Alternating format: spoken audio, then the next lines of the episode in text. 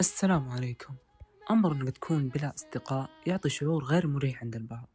إنه هو شخص سيء وما له قيمة. طيب ليه ما تبدل هذا الشعور السيء إلى شعور إيجابي؟ اعكس الجملة. لتكون أنت شخص ناجح ولك قيمة. حط بداخلك أن اللي يحصل للإنسان قسمة ونصيب. ربنا سبحانه وتعالى كتب للبعض القبول بالأرض والسماء. وكمان البعض ربنا كتب له لا قبول بالأرض ولكن مقبول السماء في أحد الناس يقول أنا حياتي شين وحالي كذا. وأنا أقول له بدل حرف الشين بحرف الزاء لتكون حياتي زينة وحالي كذا. دمتم بخير وعافية يا رب.